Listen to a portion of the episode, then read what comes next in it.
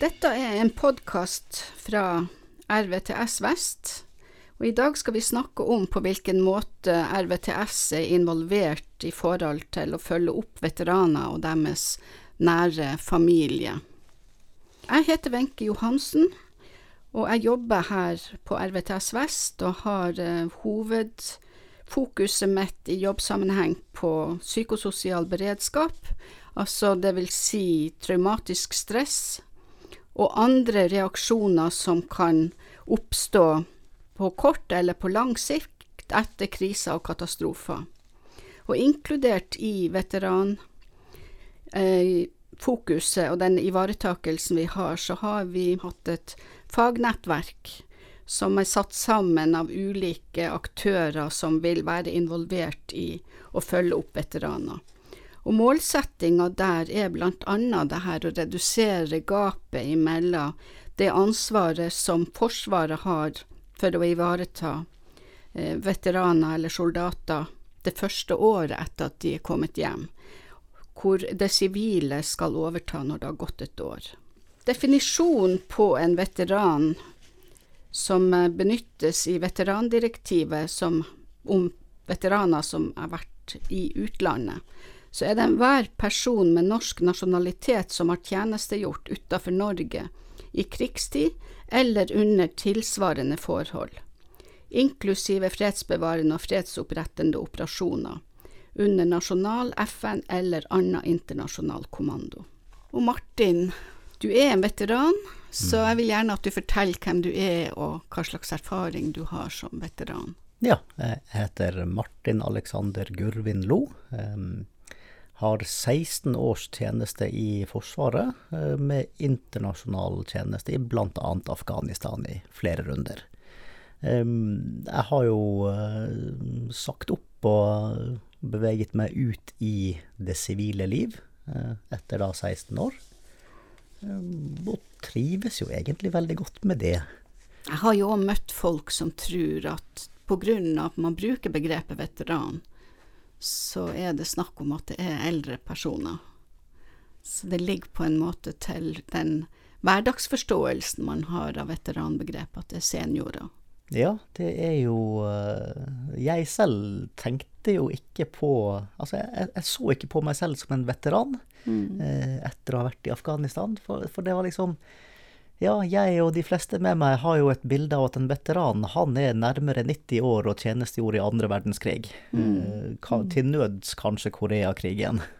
Eh, og, og det var jo litt fascinerende, og det var det, det, er litt sånn lyden av eh, illusjoner som brister, når man innser det at eh, ja, i en alder av 23 år så er man faktisk veteran. Mm. Eh, og det var Ja, det er veldig spesielt. Eh, og det er jo klart det at eh, det er jo mange som går rundt og tenker på veteraner som disse her litt tilårskomne med gamle uniformer som støver av og en haug med medaljer, og mm. ja, de fløy bombefly under andre verdenskrig. Mm.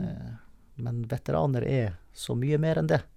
Vi kommer tydeligvis i nesten alle aldre, i alle fall fra 18 og oppover. Mm. Grunnen til at jeg er her, er jo fordi at uh, jeg har jo vært involvert i likemannsarbeid og kameratstøtte uh, opp mot de som kommer hjem uh, fra internasjonal tjeneste og føler det at ting ikke er helt på plass. Ja. Så i den sammenhengen så kan vi jo bare fortelle at det er jo faktisk over 100 000 som har vært ute i tjeneste etter andre verdenskrig i forskjellige typer konfliktområder. Og, ja. og i begynnelsen av eh, Altså da vi hadde folk ute sånn, så var det mange som opplevde fysiske og psykiske problemer og reaksjoner etterpå, både under og etterpå. Og eh, etter hvert så har jo det her med PTSD så spesielt vært et fokus knytta til eh, veteraner og det som er, eh, kan være aktuell problematikk, i alle fall hvis man skal få noe erstatning.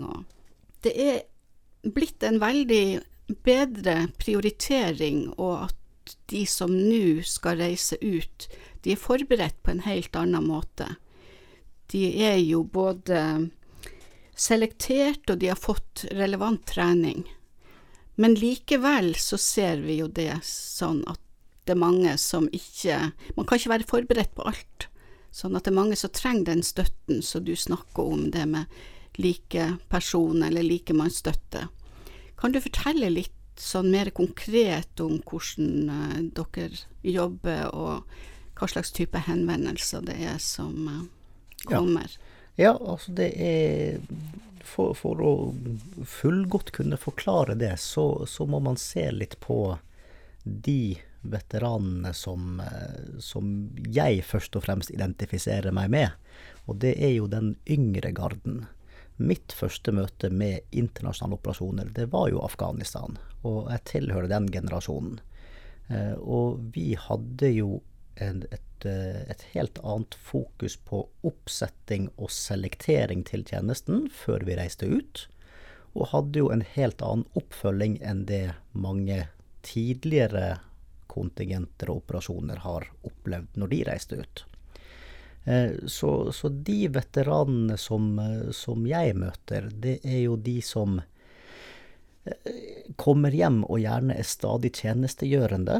I alle fall i et år eller to eller fem etter en reise ut. Og, og de har på mange måter et, et sikkerhetsnett rundt seg, ikke bare i, i, i det som Forsvaret tilbyr av profesjonell hjelp, eh, for å kalle i mangel av et bedre ord. Eh, men også det at de gjerne har eh, likesinnede. De har sine egne, de har flokken sin rundt seg. Og det flokkbegrepet er det jo mange soldater som bruker i dag. For, for det er de som er rundt de, det er de som har vært der gjerne sammen med de, opplevd det samme eller mye av det samme. Eh, og det er mye lettere å snakke med en som man føler at man identifiserer seg med, og, og kan sammenligne seg med. Så det er mye lettere og lavterskel eh, å komme og snakke med, med, meg eller sånne som meg, som, som har vært der og gjort det samme.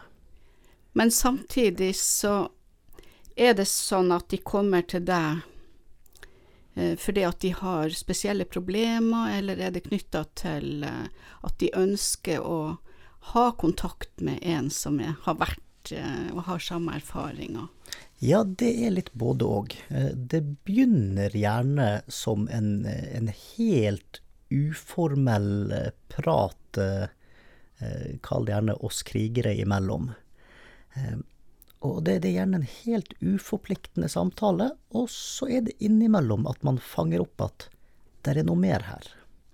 Eh, og det er jo enten bevisst eller ubevisst fra, fra de jeg har snakket med. Så, så, i den samtalen når man snakker sammen, og det kan være om helt dagligdagse ting, så kommer man jo inn på dette her med opplevelser og tjenesten og og gjerne hvordan det påvirker, eh, påvirker eh, personen i dag. Og det kan være noe så enkelt som at, at man har noe spesielt man gjør som man ikke klarer å legge fra seg. Jeg selv kjente jo på, etter første runden ut Da gikk vi rundt i, i åtte måneder, godt og vel, med en eh, pistol på låret i lårhylster. Og den var alltid på kropp. Eh, og når jeg kom hjem, så var det sånn en reflekshandling å kjenne etter på låret. Og første gang jeg kom hjem og kjente etter på låret at pistolen var ikke der, da fikk jeg litt sånn panikkfølelse, og så tok jeg meg i det at nei da, jeg er hjemme nå. Og, og, sånne ting som er der, det er De fleste av oss de kommer hjem og klarer å legge det fra seg. Og så er det noen som kjenner på at de klarer ikke å legge det helt fra seg.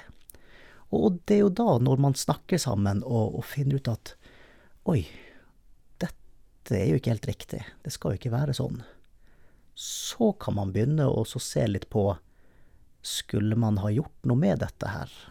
Har man behov for å, å snakke med noen komme litt til bunns i dette her? Har man behov for å komme videre med, med, fagpersoner å snakke med? Eller holder det å snakke med en likemann. Og, og få luftet litt og ventilert litt og finne ut at dette er noe alle gjør den første tiden, og så går det over etter hvert. Ja, for det du er inne på at uh, det er jo sånn at de aller fleste de har uh, reaksjoner den første tida etterpå. Ja.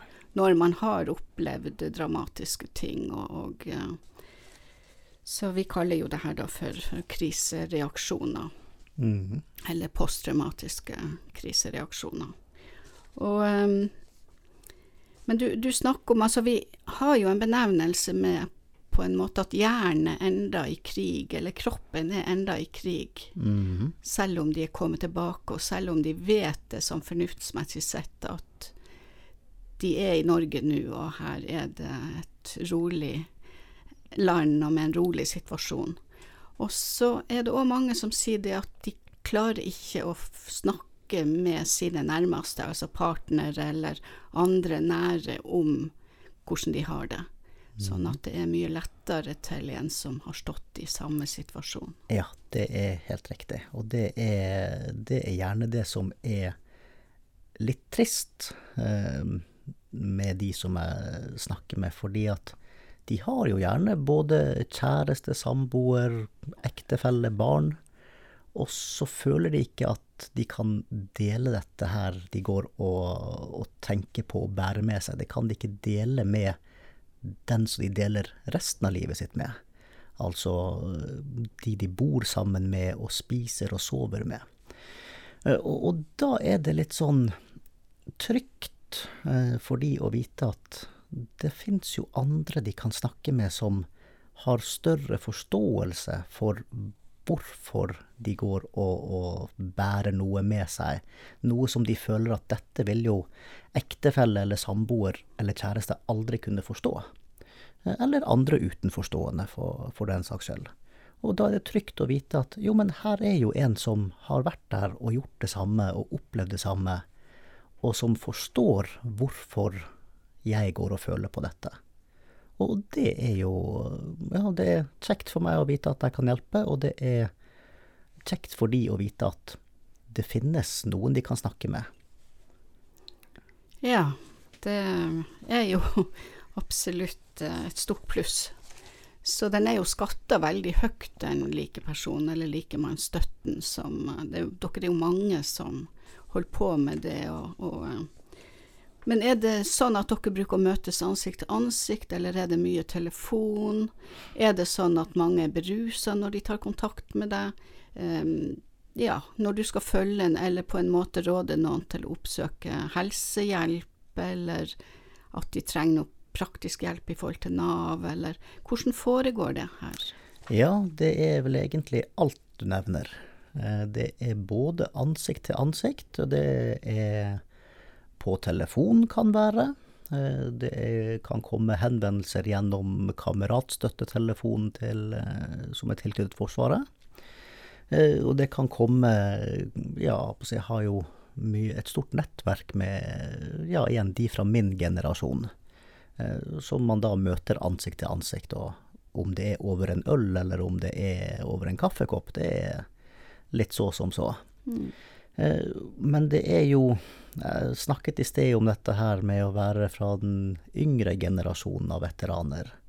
Og det er litt synd å si det, men det er, det er på mange måter et skille.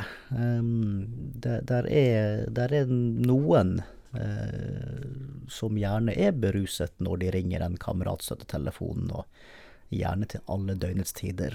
Um, og det er det, det, er andre enn meg som har fått, uh, fått, kjenne det virkelig på kroppen. Uh, at det ringer når som helst på døgnet, og personen i andre enden er, ja, er på en snurr. Og da kommer alt frem, og da har de mye de skal lire av seg. Men det er ikke alltid verken sammenhengende eller fornuftig. Um, og da er det ikke enkelt å, å vite om, uh, om man skal fortsette samtalen og prøve å få noe fornuftig ut av det, eller om man skal gi de beskjed om å legge på og gå og legge seg, og så heller ringe igjen når de er um, edru på morgenkvisten.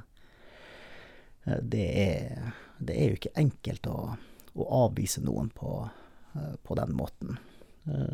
Nå er, nå er jeg heldigvis hatt mest å gjøre med, kall det min egen generasjon. Og da er det, i den grad det er beruselse, så er det fordi at vi snakker sammen over en, over en øl eller tre. Mm. Og det er jo klart det at det kan bli en øl for mye også. Mm. Men det er jo også gjerne da det kommer frem den, den helt uhildrede eh, skildringen av hva man egentlig går og bærer og gnager på.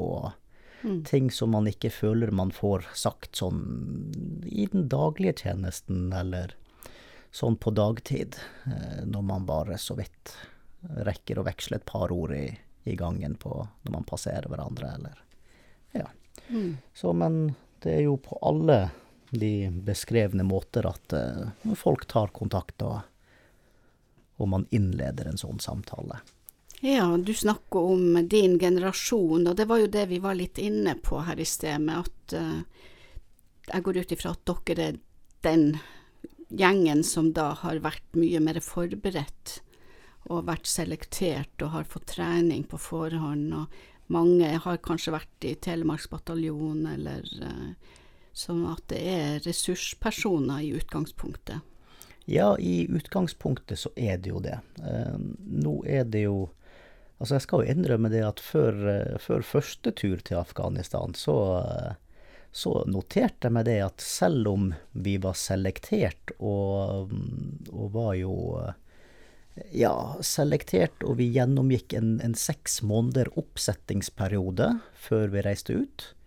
Så noterte jeg meg det at når, når jeg var hjemme i Bergen eh, på, på, på, Liv før vi reiste ut, åpner Bergens Tidende, og der en halvsides annonse med norsk flagg og en AG3 og Riksløven var vel med også i annonsen der, også med teksten 'Har du gjennomført førstegangstjeneste? Har du lyst til å reise ut i internasjonale operasjoner?' Så, og det var sånn en avisannonse eh, hvor man kan uh, sende inn søknad eller ringe en telefon, og så bli sendt til Afghanistan.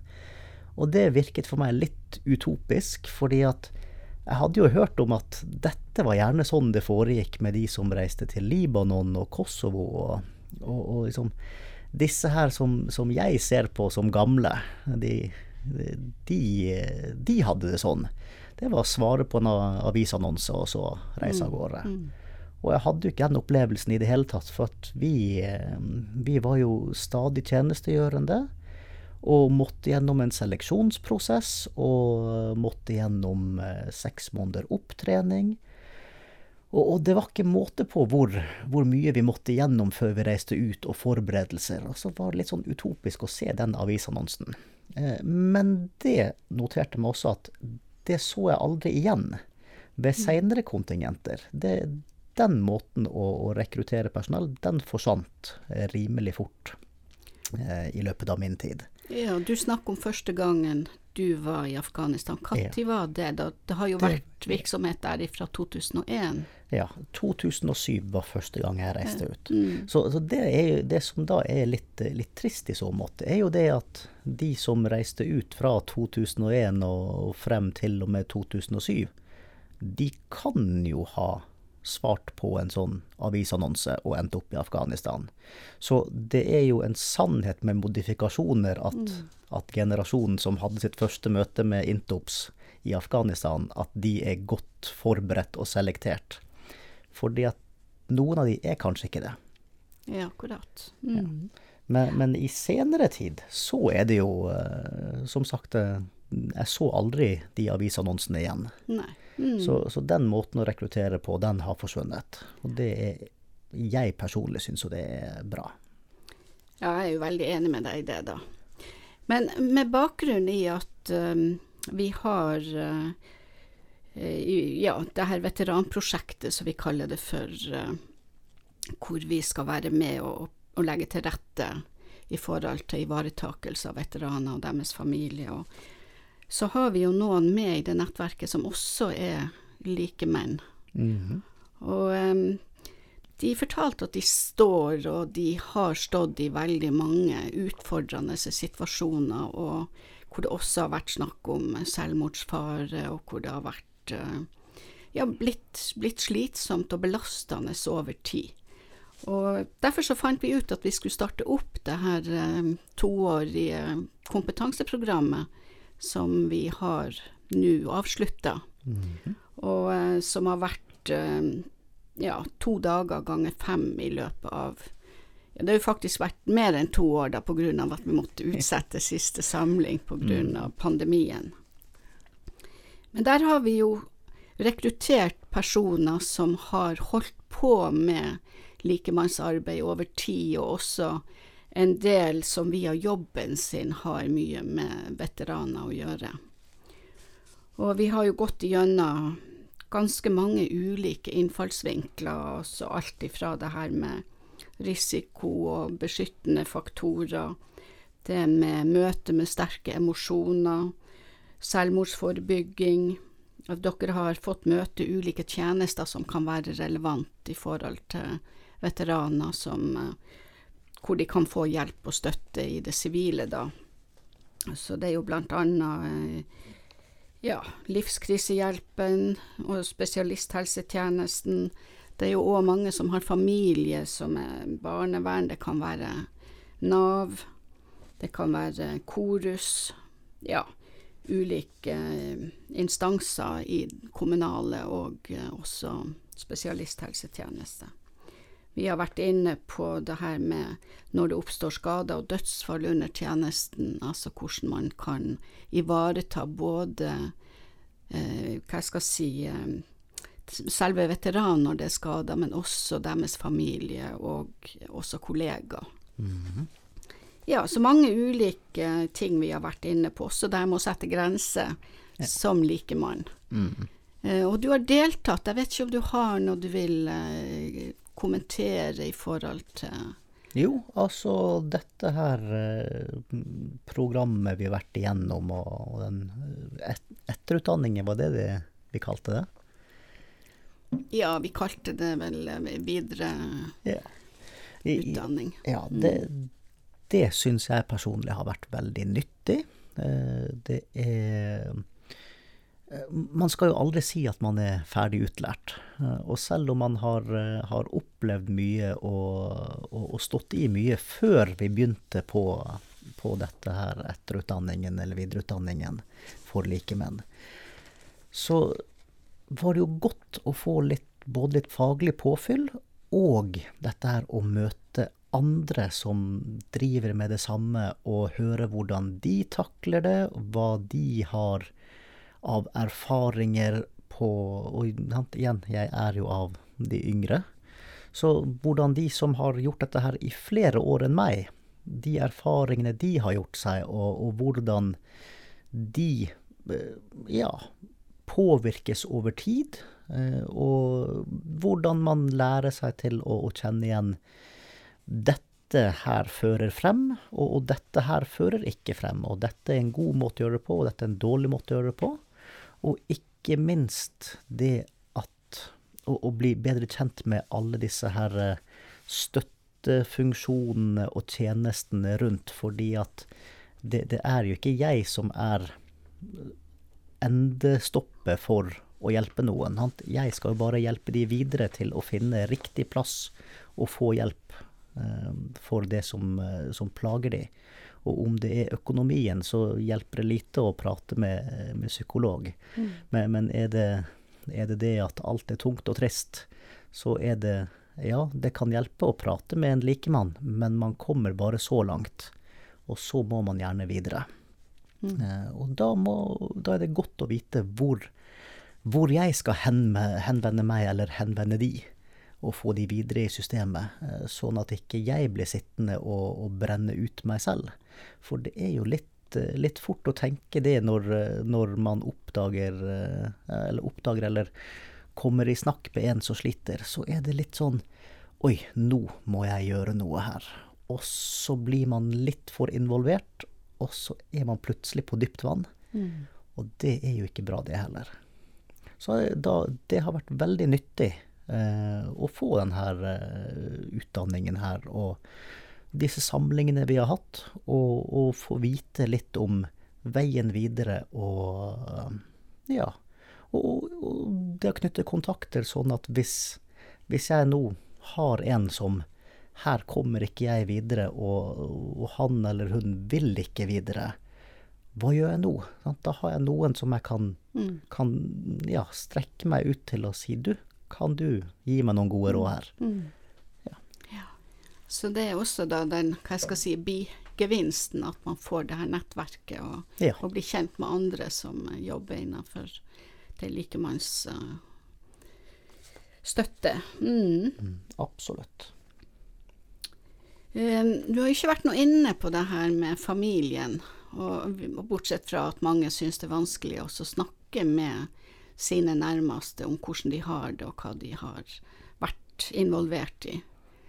Men vi erfarer jo òg at uh, mange som er partnere eller foreldre, de har det òg utrolig belastende når deres sønn eller ektefelle Det er jo òg mange kvinner som nå tjenestegjør. Så um, Og de vet ikke hva som skjer, og det er jo mange ganger masse nyhetssaker om ting som skjer. og i løpet av de her årene så har det jo vært over 9000 norske menn og kvinner som har tjenestegjort i Afghanistan. Så det er klart at totalt sett så vil det jo være veldig mange personer som mm. blir omfatta eller berørt av at man føler at man er utsatt for uh, Ja, for å komme opp i veldig farlige situasjoner, mm. og utsatt for helsemessige truende uh, situasjoner. Ja, det er det. Og det er jo uh, på, på, mange måter så er det kanskje verst for de som sitter hjemme og bare venter. Eh, for de vet jo ikke hva som skjer fra dag til dag, eh, nødvendigvis. Og, og, for mange så er det en ekstra stor belastning å være ute og vite det at nå sitter det en eller flere hjemme og aner ikke hva som skjer. Og hver gang jeg får muligheten til å ringe hjem eller sende en e-post eller brev eller så, så, sitter man der mange tusen kilometer hjemmefra og hører, hører, på stemmen til han eller hun hjemme at de har det ikke godt. Og, og det er jo en ekstra belastning eh, for den som er ute, og de som er hjemme. Og det, ja, det er noe som, eh, som jeg har vært borti eh, noen altså, Enkelte som jeg snakker med, de beskriver jo det at det er kanskje det aller verste Eh, forutenom det som er veldig dramatisk, som, eh, mm. som, måtte ha skjedd ute. Eh, men for mange så er det den ekstra belastningen der. Mm. gjør at man, man, gjerne kommer hjem og tenker det at det var ikke verdt det, eller at det blir ikke flere turer ut. Ja. Mm. Ja, for det at det er jo ti norske personer som har blitt drept mm. i Afghanistan i løpet av Det er jo en periode fra 2001 ut til 2021. Mm. Men det er mange også som har vært skadd, og som også har psykiske problemer. Ja. Både når de er der og i etterkant. Og mm. hos noen debuterer det jo seint. Men, men, det her med, med partneren eh, eller forelder eh, Jeg har ei, ei god venninne, altså sønnen hennes har vært i Afghanistan opp også flere ganger. Og når han var der, så gikk hun hele tida på tå hev, for å bruke et sånt uttrykk, og hadde telefon tilgjengelig hele døgnet i tilfelle han skulle ringe. Mm. Og først hun gjorde når hun våkna, det var jo å se om det var noen nyhetssaker. Så hun hadde en sånn veldig anspenthet, og som også er en del av det her bildet knytta til posttraumatisk stress. Mm. Som vi ja. ja. Og barn som også Det er ikke Altså, vi, vi er jo vant med at um, foreldre kan være borte i perioder, både i forbindelse med at uh, de kan være til sjøs eller på oljeplattform. Men det ekstraordinære når det er snakk om at noen er i utenrikstjeneste i forbindelse med krig og, og konflikter, Mm. Så, um, så vet, kjenner jo barnet òg på denne engstelsen for at det skal skje noe, og at den forelderen som da er hjemme, det smitter lett over. Sånn at vi vet at det er også vanskelig eh, knytta til det at, at familien må òg ha en ivaretakelse.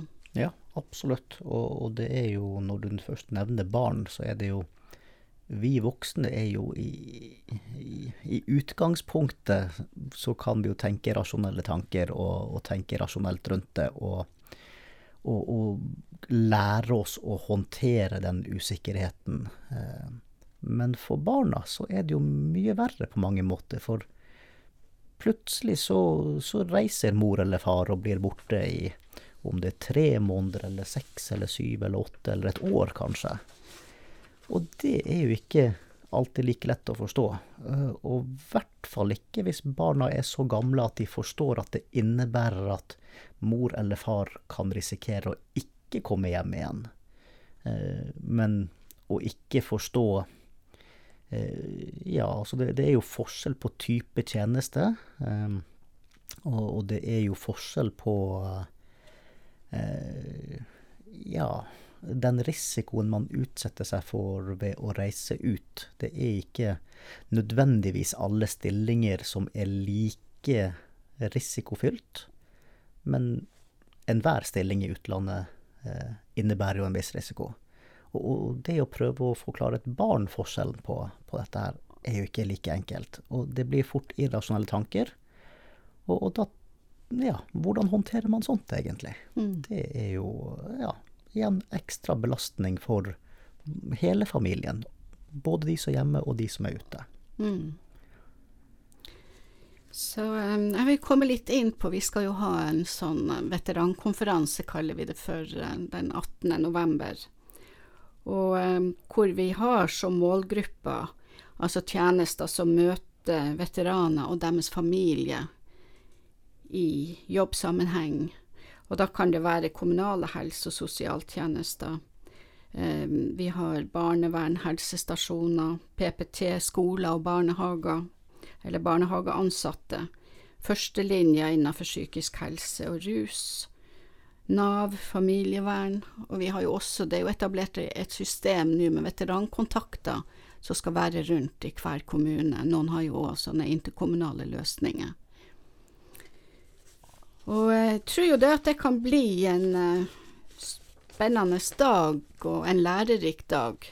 For vi skal jo komme litt inn på det her med fokus på den som, som er hjemme. Det skal gjøres et intervju med en mor og partner, da, som er hjemme, og som skal fortelle om hvordan hun har hatt det, og hvordan hun har det. Så det er jo Herdi Stoknes som skal gjøre en sånn samtale med henne. Eh, vi har òg eh, Linda Kvalvik som skal komme og snakke om eh, barn og barnesamtalen, og sånn at man kan som fagperson, eller også forelder, vite litt om hvordan man kan snakke med barn som kanskje er bekymra. Altså. Og kommer inn på det her med tida etter hjemkomst sett fra ja, politiveteranene Jarle Bjørke. Skal fortelle litt om hvordan han hadde det også etter hjemkomst, sånn at vi får fokus både på den som har vært ute, og den som er hjemme, og barnet. Og så eh, har vi jo eh, vært så heldige at vi har eh, fått han Robert Mood. Han skal òg være med oss denne dagen, og han skal dele noe av den erfaringa han har som leder innenfor Forsvaret, og han har lovt meg det at han skal ha et uh, spesielt fokus på det med det mellommenneskelige perspektivet. Hun Belinda Ekornås, som er forsker to på NKVTS, hun skal informere og fortelle om et forskningsprosjekt som skal handle om veteranens familie og den psykiske helse og hverdagsliv etter utenlandsoperasjoner, og hvor de skal gjøre intervju og samle inn spørreskjema både fra veteranen sjøl og deres partnere.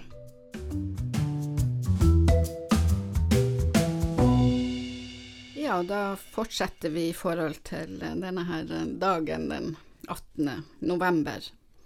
Og det er en Libanon- og politiveteran som heter Ronny René Raven, som skal komme og fortelle hvordan han har lært å leve med PTSD.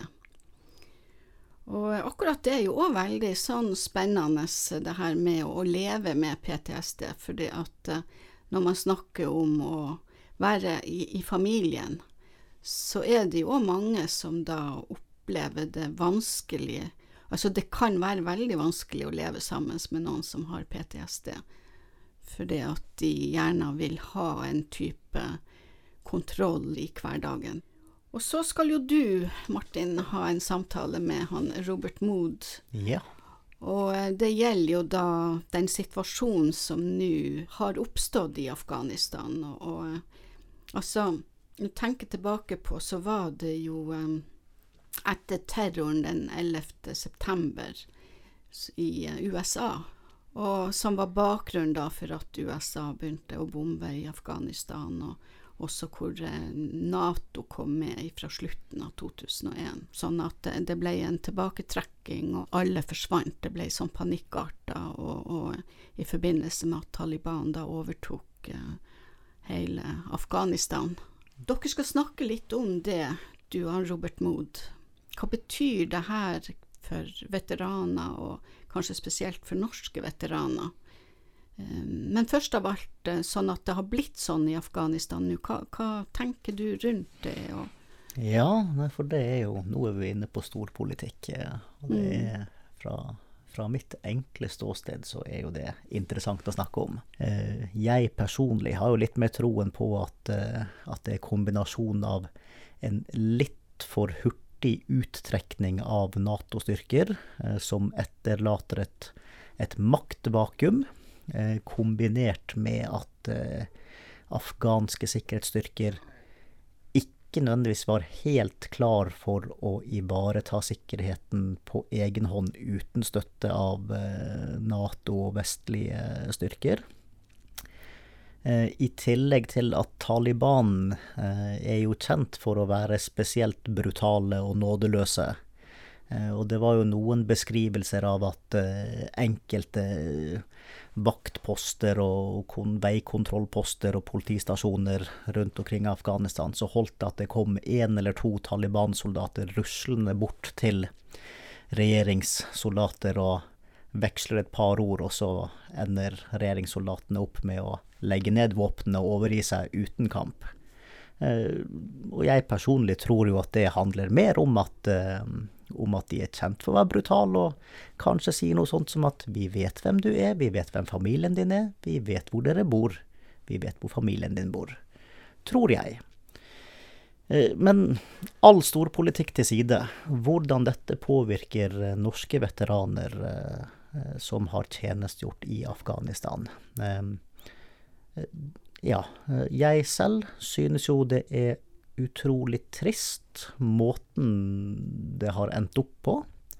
Det vi ser i Afghanistan nå, og som vi har sett nå gjennom sommeren, og, og spesielt nå siste måned, halvannen, det er jo det er trist. Det oppleves som litt meningsløst. Eh, jeg ser det at eh, både i sosiale medier og og i veteranmiljøet, både på alle plattformer, så uttrykkes det sinne, fortvilelse, litt oppgitthet. Det har vært mye fokus på, blant veteranene på, eh, på hva med alle disse afghanerne som har hjulpet oss underveis, tolker og rengjørere og de som har bistått med logistikk og transport og alle andre funksjoner vi har vært avhengig av når vi har vært i Afghanistan. Alle disse som, som nå, pga. at de har bidratt og bistått Nato-styrker, så er de selv blitt et mål nå når Taliban har overtatt.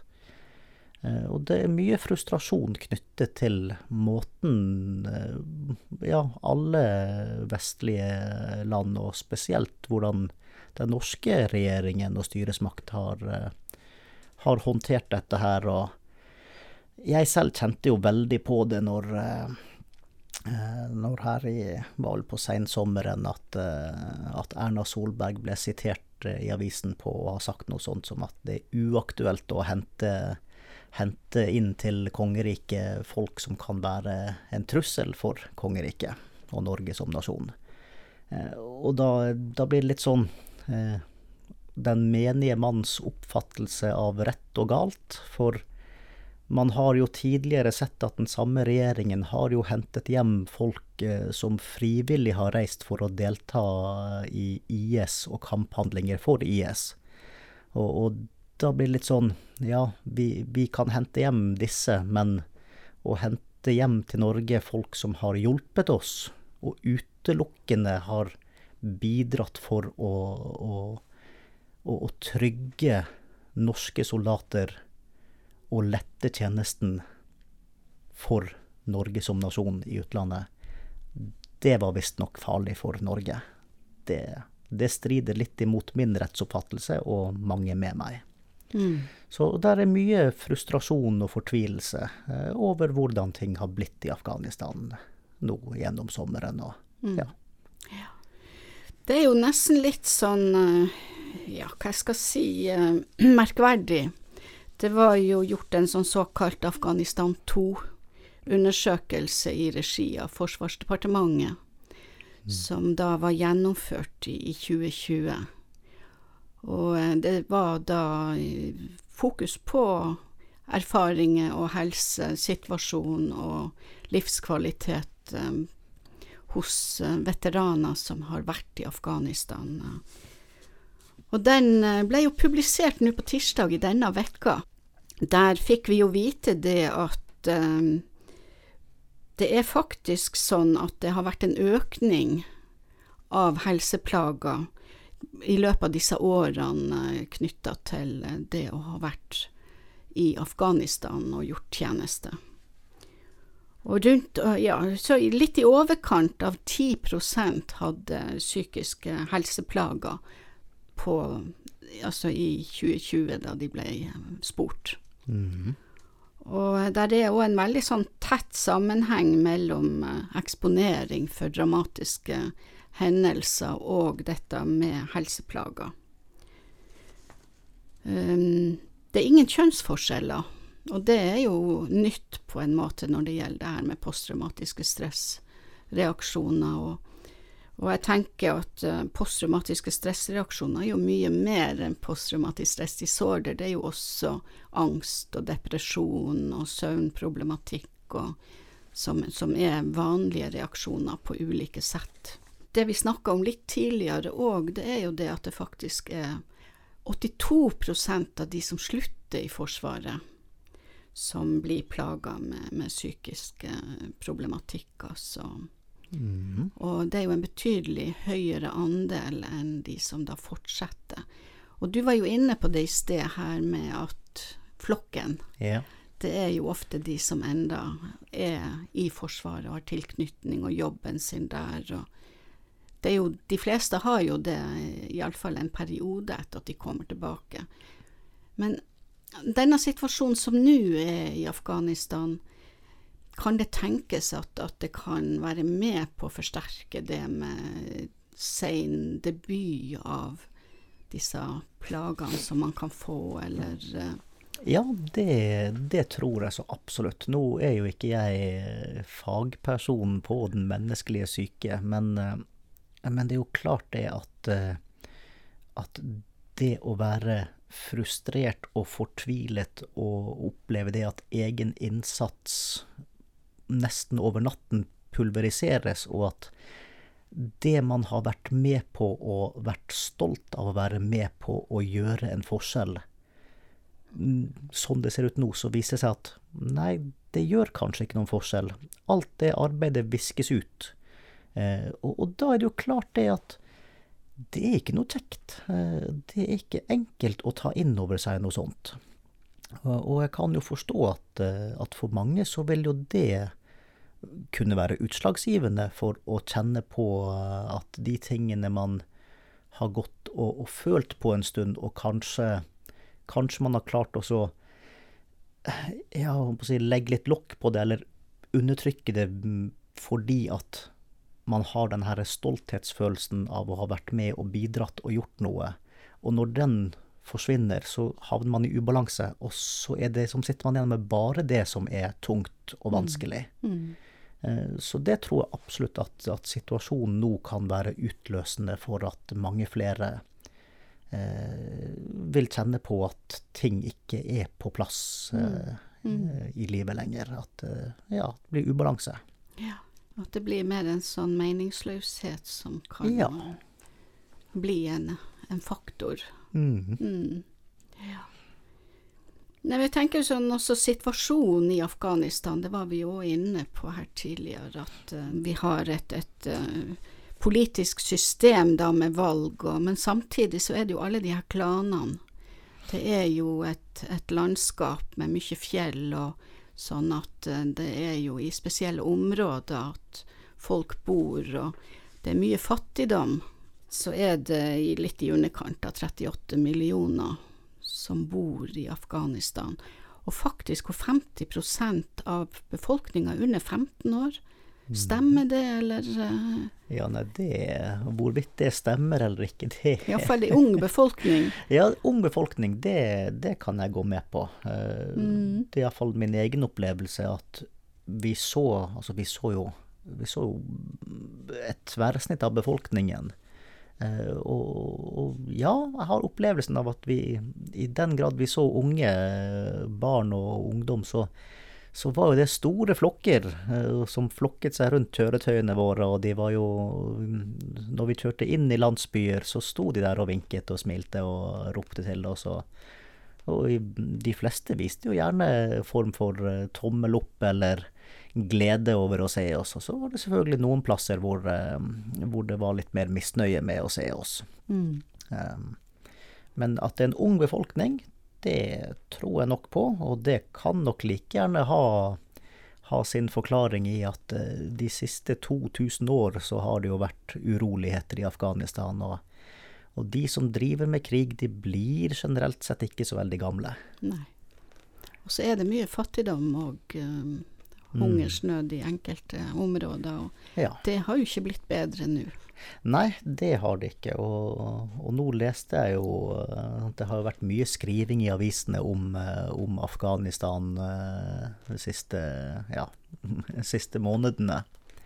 Eh, Og her eh, denne uken så kunne man jo lese, både denne og forrige uke, lese om at eh, Taliban ja, de har nå makten i Afghanistan, men de har jo ingen midler. De har jo ingen penger. Mm. Og i dag kunne jeg lese det at, at strømproduksjonen til Afghanistan, 80% av strømmen, får de fra sine naboland. Men de har ikke råd til å betale for den strømmen. Så nå står de i fare for å miste strømmen i det meste av Afghanistan nå når vi går inn i eh, kulde og vinter. Og det kan jo bli veldig interessant å se Mm. hvordan dette utspiller seg. For der er store temperaturvariasjoner. Ja, det er det. Det var jo en av de tingene som, som overrasket meg veldig når jeg var, reiste ned dit. Og på forhånd så har man jo et inntrykk av at Afghanistan det er jo et ørkenland, og det er kjempevarmt og ulidelig varmt. Og ja da, det var jo ulidelig varmt på dagtid. Eh, men så ble det jo iskaldt om natten. Mm. Uventet kaldt. Um, og det, det var utrolig fascinerende. Og det er jo klart det, dette her var jo da midt på sommeren at det Mm. svingte veldig i, i temperatur. Og, Mm. og når vi kom til januar, så var det jo faktisk snø. Eh, snø på bakken. Mm. Og det hadde jeg ikke forventet. Eh, det var veldig uvant. Mm. Eh, og det stred jo helt imot mot min oppfatning av et ørkenland. Mm. Eh, Så klart det at det er jo dramatisk for befolkningen om de nå mister strømmen eh, mer eller mindre permanent eh, til vinteren. Mm. Det ja. Ja. Så det er en av faktorene som er plagsom og belastende i deres hverdag nå.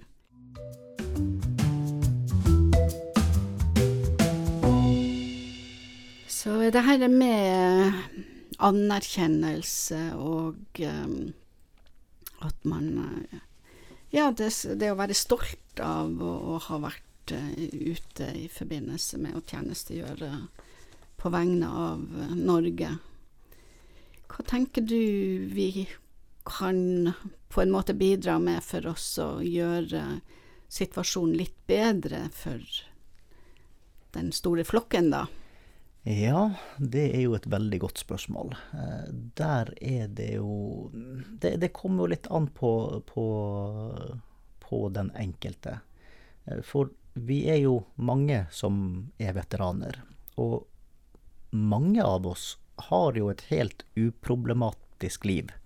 Eh, og har gode støttespillere rundt oss. Sånn at dagliglivet som sådan er ikke en utfordring. Og, og da da er det ikke så mye vi trenger, egentlig. Mens andre sliter jo virkelig, og de trenger jo forskjellige former for støtte. Uh, men felles for alle er at det her med anerkjennelse, um, og, og, der er jo Man kan si mye om amerikanerne, men de har jo alltid vært flinke å ivareta militært personell og veteraner, og det er jo de, nesten overalt hvor man kommer i USA, så, så henger der bannere eller skilt eller noe om at veteraner er velkomne her og nyter ekstra goder. Og det er jo Når jeg selv har vært på ferie i USA og tusler rundt med, med den strittsekken, for den er jo grei å putte et par flasker vann i når man skal være i Disneypark hele dagen. Og det kommer vilt fremmede bort til meg og spør om, om, jeg, er, om jeg er militær. Ja da. Ja. ja, om jeg har vært i Afghanistan. Ja da. Thank you for your service, kommer det da. Mm. mm. Og noe så lite, litt sånn vilt fremmede, det er litt Man, man kjenner det at oi, det, det traff litt. Mm. Uh, og da, det sånn, da er det sånn Ja, det, det var kjekt. Mm. Det var hyggelig å, å bli, bli, møtt på den måten og, bli takket for at man gjør noe og bidrar. Mm. Ja. Um, du trekker frem USA og sånn den anerkjennelsen og hederen som blir gjort nå. Mm. Men altså, det var jo um, Ja, Vietnam, veteranene i statene hadde det ikke kjekt. Nei. Nei. de ble jo uglesett, og mange bodde på gata, og mm. det var jo på bakgrunn av deres reaksjoner og opplevelse, hele denne her posttraumatisk stress-syndrom-diagnosen ble konstruert. Ja. Sånn at uh, det har vært en veldig endring i staten. Jeg vil bare påpeke det. Absolutt. Ja. Det er som mm. sagt, man kan si mye ja. om amerikanerne, ja. uh, og det er jo det, der de er i dag, er jo langt bedre enn der de var etter Vietnam. Mm. Um, I så måte med det å ivareta veteranene. Um, og ja, man, man, skal jo kanskje ikke dra altfor uh, store linjer og paralleller her, men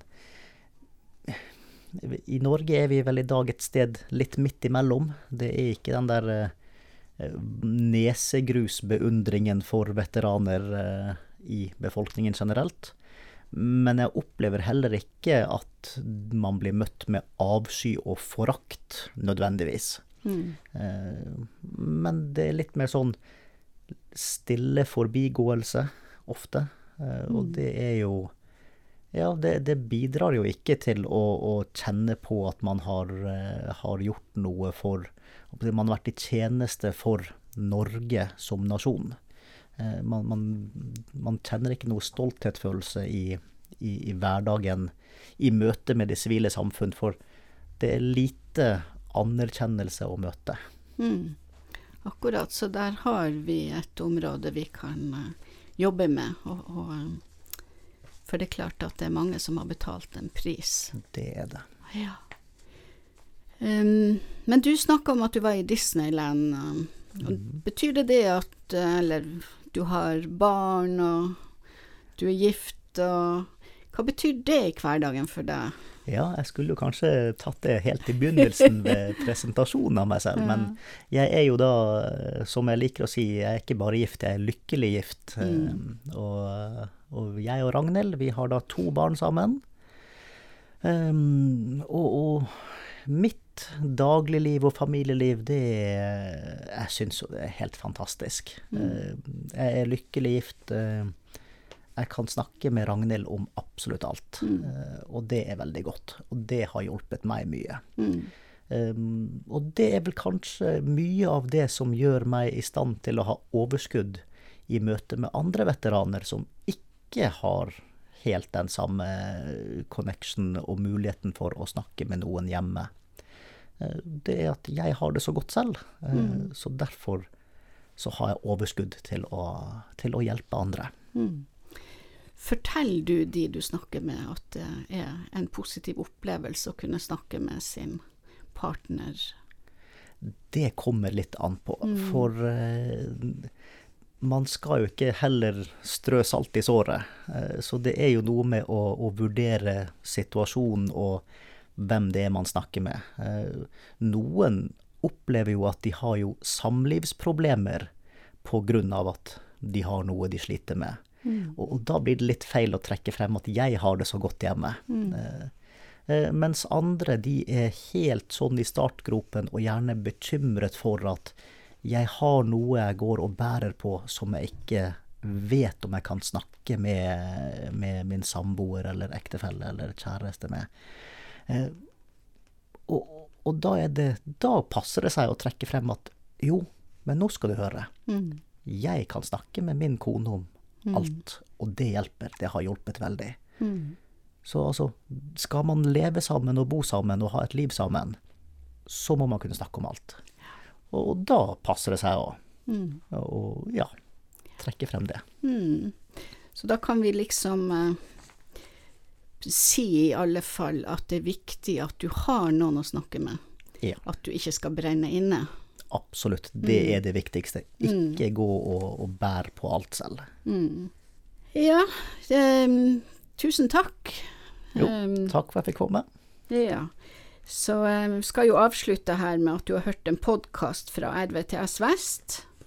Og de som var med Martin Alexander Gurvin Lo. Og du er jo en uh, Afghanistan-veteran, og du har jobba mange år i Forsvaret. Og så jeg er Wenche Johansen og jobber på RVTS. Du finner flere podkaster fra oss på vår nettside eller der du vanligvis henter dine podkaster.